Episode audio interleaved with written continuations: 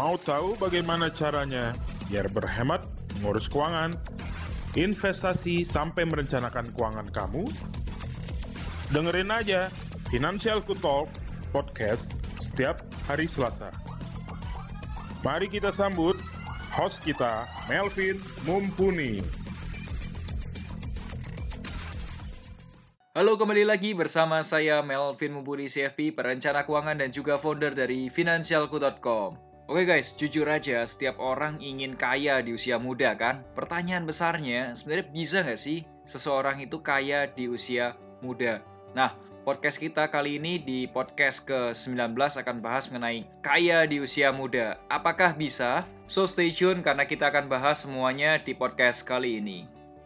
Sebelum bahas lebih detail, Sobat Finansialku dapat mengirimkan pertanyaan atau curhat keuangan melalui fitur Tanya Perencana Keuangan di aplikasi Finansialku. Tapi, jangan lupa ya kasih hashtagnya, hashtag curhat keuangan.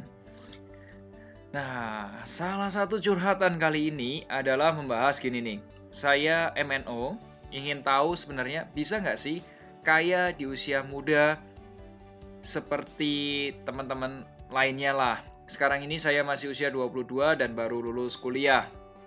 Jawaban saya adalah tergantung. Loh, kok tergantung? Tergantung apa? Tergantung gini, bisa atau tidaknya bergantung pada siapa orangnya dan bagaimana mereka merencanakan dan bertindak. Banyak sekali orang ingin sukses dan kaya di usia muda. Sayangnya, hanya sedikit orang yang mau membayar biayanya. Sisanya hanya mau kaya, tapi kurang usaha. Saya tertarik untuk bahas materi kaya di usia muda dan dalam podcast kali ini langsung aja kita bahas apa aja itu cara-caranya untuk kaya di usia muda. Oke, bagaimana pendapat saya mengenai kaya di usia muda? Saya sendiri pernah berpikir apakah bisa kaya di usia muda. Pada waktu itu saya berpikir saya masih kuliah S1. Saya masih ingat loh, saya lihat di internet ada daftar namanya Forbes Under 30. Seingat saya, dulu saya melihatnya ranking dunia. Artinya orang-orang sedunia yang sudah dianggap kaya atau sukses di usia di bawah 30 tahun. Sekarang ini, Forbes sudah mengeluarkan daftar Forbes Under 30 Indonesia. Sebut aja nih beberapa nama anak muda Indonesia yang sudah masuk daftar Forbes Under 30 Indonesia. Brian Immanuel atau Rich Brian, Yohanes Sugitono Nugroho, dan Muhammad Rishad Ganis Krodi, dan lain sebagainya. Forbes biasanya menghitung bukan dari penghasilan atau pemasukan, jadi kaya atau enggaknya itu bukan karena penghasilannya besar, tapi Forbes menghitungnya dari kekayaan bersih atau net worth, yaitu selisih antara aset dan kewajiban. Kalau dalam hal keuangan, kewajiban itu artinya utang. Apakah bisa anak muda memiliki net worth sampai miliar rupiah? Jawabannya bisa kok. Tuh, bos-bos startup. Sebut aja kayak Gojek, kayak uh, Tokopedia, kayak Bukalapak, Traveloka, dan lain sebagainya. Maksud saya, tidak harus jadi startup untuk jadi kaya. Kamu bisa kok lakukan dengan banyak cara. Saya dulu bukan orang yang paham dengan cara kaya. Istilahnya saya have no idea bagaimana caranya kaya. Saya suka baca buku, termasuk Robert Kiyosaki, Dale Carnegie, Dr. Ross, Dr. Alexander Elder, dan lain sebagainya. Sampai suatu saat saya bertemu dengan salah seorang yang mengubah cara berpikir saya mengenai uang. Nah, kalau kamu telah ketemu sama mentor keuangan kamu, biasanya banyak sekali perubahan yang terjadi. So stay tune. Sejarah atau pelajaran apa yang saya dapatkan dari mentor keuangan saya dan siapa mentor keuangan saya. Oke? Okay? Oke, okay, sobat finansialku, saya mau cerita tentang mentor keuangan saya. Saya nggak sebut nama, tapi saya akan cerita backgroundnya. Mentor keuangan saya bukan seorang financial planner, juga bukan seorang ahli investasi, melainkan seorang pebisnis tradisional. Beliau masih usia 30-an, masih muda lah ya, udah punya penghasilan miliaran rupiah dalam setahun ya, dan asetnya ada di beberapa kota. Saya berkesempatan untuk bekerja dengan beliau. Saya tahu apa yang membuat orang itu sukses, yaitu sabar, tekun, dan yakin saat menjalankan bisnisnya. Beliau tidak berpikir aman, tetapi berpikir untuk terus memajukan bisnis. Jadi mindsetnya dia selalu bagaimana caranya bisnis supaya maju, maju, dan maju terus. Beliau selalu sabar dalam bekerja dan satu wejangan yang saya ingat adalah tidak ada yang namanya instan dan mudah. Meskipun bisnisnya sudah berjalan, beliau juga masih terus belajar dan upgrade. Selain itu saya belajar mengenai ketekunan. Sobat, sobat finansialku, kamu tahu nggak gimana caranya memutuskan kawat tipis? Ya, bagaimana cara memutuskannya? Jawabannya ditekuk berulang kali, bukan? Nah, begitu juga dengan bisnis. Terkadang kita perlu mencoba, tidak hanya sekali atau dua kali, melainkan puluhan atau ratusan kali. Tidak ada kata gagal kecuali kata menyerah atau ketika kita menyerah dan berhenti untuk melakukannya. Terakhir, punya keyakinan apa yang dilakukannya. Seringkali orang-orang itu mencomooh atau memberikan komentar pedas terhadap usaha kita, karya kita, dan kerja keras kita. Seperti yang kita ketahui bersama, setiap penonton pasti lebih jago berkomentar daripada atlet yang bertanding. Betul nggak? Jangan-jangan kamu juga nih, seorang penonton yang jago komentar. Cuma, kita sebagai lakonnya harus tetap yakin dengan apa yang kita lakukan. Ya oke okay lah, penonton ngomong, tapi buktikanlah atlet yang tetap keren ya tetap keren. Bisa cetak gol ya tetap bisa cetak gol. Ketiga pelajaran tersebut adalah pelajaran yang sangat berharga yang mengubah mindset saya terhadap keuangan dan cara kerja untuk menjadi kaya. Ketiga pelajaran tersebut juga saya pegang ketika saya mendirikan bisnis finansialku.com. Saya jalani value tersebut dan menjadi mindset yang tangguh untuk mewujudkan tujuan keuangan saya. Anyway teman-teman, kalau teman-teman setuju boleh di like, boleh dikasih komen. Eh, kira-kira oke okay nggak kalau saya di podcast berikutnya ngobrolin gimana sejarahnya finansialku dari nol sampai sekarang jadi. Kalau ya, boleh nanti tolong sudah nonton atau dengar podcast ini, tolong di-share di Instagram kamu dan tag saya at Melvin Mumpuni. Kalau memang banyak dan oke, okay, saya akan buatin podcast khusus untuk jelasin tentang sejarah saya buat finansialku.com dari nol sampai sekarang.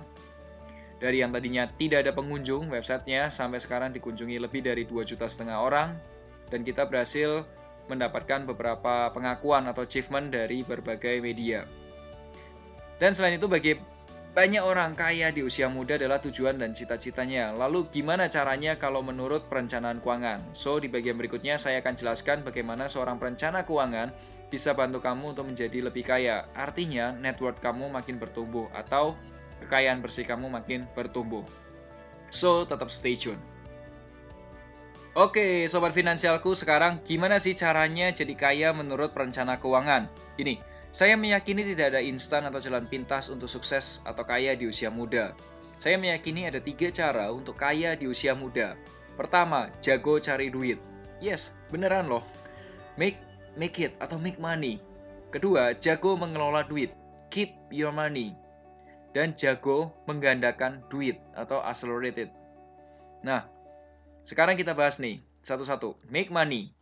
Make money artinya bagaimana cara kita untuk menghasilkan pemasukan atau uang. Biasanya orang berpikir untuk memegang banyak kerjaan nih. Misal, Senin sampai Jumat kerja kantoran, sorenya ngajar, akhirnya akhir pekan pun masih ada di wedding organizer atau masih kerja di wedding organizer. Apakah salah atau apakah betul? nggak nggak ada benar atau salah. Ya memang, diakuin itu semua bisa nambah pemasukan, tapi sampai kapan? Sebenarnya untuk jago make money, kita perlu fokus pada bidang usaha dan memiliki keahlian khusus. Menurut saya, kamu nggak perlu ngerjain semua barang, semua kerjaan, tapi kamu ahli di satu bidang. Contoh nih ya, kalau kamu desain grafis, maka kamu harus pastikan kamu memiliki karya yang benar-benar bagus atau memiliki kemampuan yang unik yang tidak dimiliki oleh orang lain sehingga nilai kamu menjadi semakin mahal. Jika kamu punya skill khusus tersebut, maka uang akan datang kepadamu. Ibarat kata nih ya, dokter spesialis selalu dibayar lebih mahal daripada dokter umum, betul? Maka jadilah seorang dokter spesialis. Oke, jadilah spesialis di pekerjaan kamu, di industri kamu. Saya pribadi menjadi seorang perencana keuangan yang berpikir sebagai seorang problem solver. Artinya, saya akan membantu klien saya menemukan masalah utamanya, bukan hanya simptomnya, tapi problems utamanya apa. Dan berusaha memahami dari sisinya dia, dan memberikan solusi yang sesuai dengannya. Oke, yang kedua, keep it. Bisa menghasilkan uang aja nggak cukup. Kamu harus tahu gimana caranya ngatur uang, bener nggak? Prinsipnya mudah banget, yaitu pemasukan lebih besar daripada pengeluaran. Pengeluaran produktif lebih dulu daripada pengeluaran konsumtif, itu prinsipnya. Cuma nggak semudah itu waktu praktekin, bener nggak sih? Kan kadang-kadang juga udah capek kerja, pengen nikmati hasil kerjaan, ya bolehlah santai-santai, bolehlah hedon dan lain sebagainya, bener nggak sih? Saya sendiri mempraktekkan gimana caranya memprioritaskan pengeluaran produktif. Nah, teman-teman, kalau kamu mau ikutin, boleh ikutin polanya atau prioritasnya. Pertama, setelah kamu bayar atau terima gaji, kamu bayar pajak kan, pastinya kan. Kamu bayar dulu nih donasi, atau zakat, atau perpuluhan, atau apa pun lah itu. Kemudian investasi, kemudian bayar premi asuransi, baru bayar cicilan dan pengeluaran tetap lainnya. Sisanya, boleh kok kamu belanjain dan habisin. Contoh kalau kamu pakai katakanlah uang digital, GoPay, OVO, dan lain sebagainya, kamu bisa budgetin setiap minggu katakanlah 500 ribu dan lain sebagainya. Kalau kamu ingin mulai ngatur keuangan, kamu dapat menggunakan aplikasi Finansialku. Boleh kamu download di Google Play Store atau kalau pakai iOS di aplikasi titik finansialku.com. Salah satu fitur yang saya suka adalah anggaran. Jika kamu pakai menu anggaran dan pengeluaran kamu melebihi anggaran, maka akan ada notifikasi. Setelah ada notifikasi tersebut, artinya kamu harus mulai berhemat atau mengurangi pengeluaran kamu. Selain itu, saya juga suka dengan input data dengan menggunakan widget. Jadi saya nggak perlu repot-repot untuk masukin transaksi harian saya. Setelah mencatat dan terkontrol, semua masalah keuangan menjadi lebih teratur dan tentunya menyenangkan, bukan? Nah, yang ketiga nih, accelerate. Dalam hal keuangan, ada dua aliran besar, Aliran pertama ada orang yang fokus dengan satu sumber penghasilan, dan ada aliran kedua, orang yang memiliki lebih dari satu sumber penghasilan.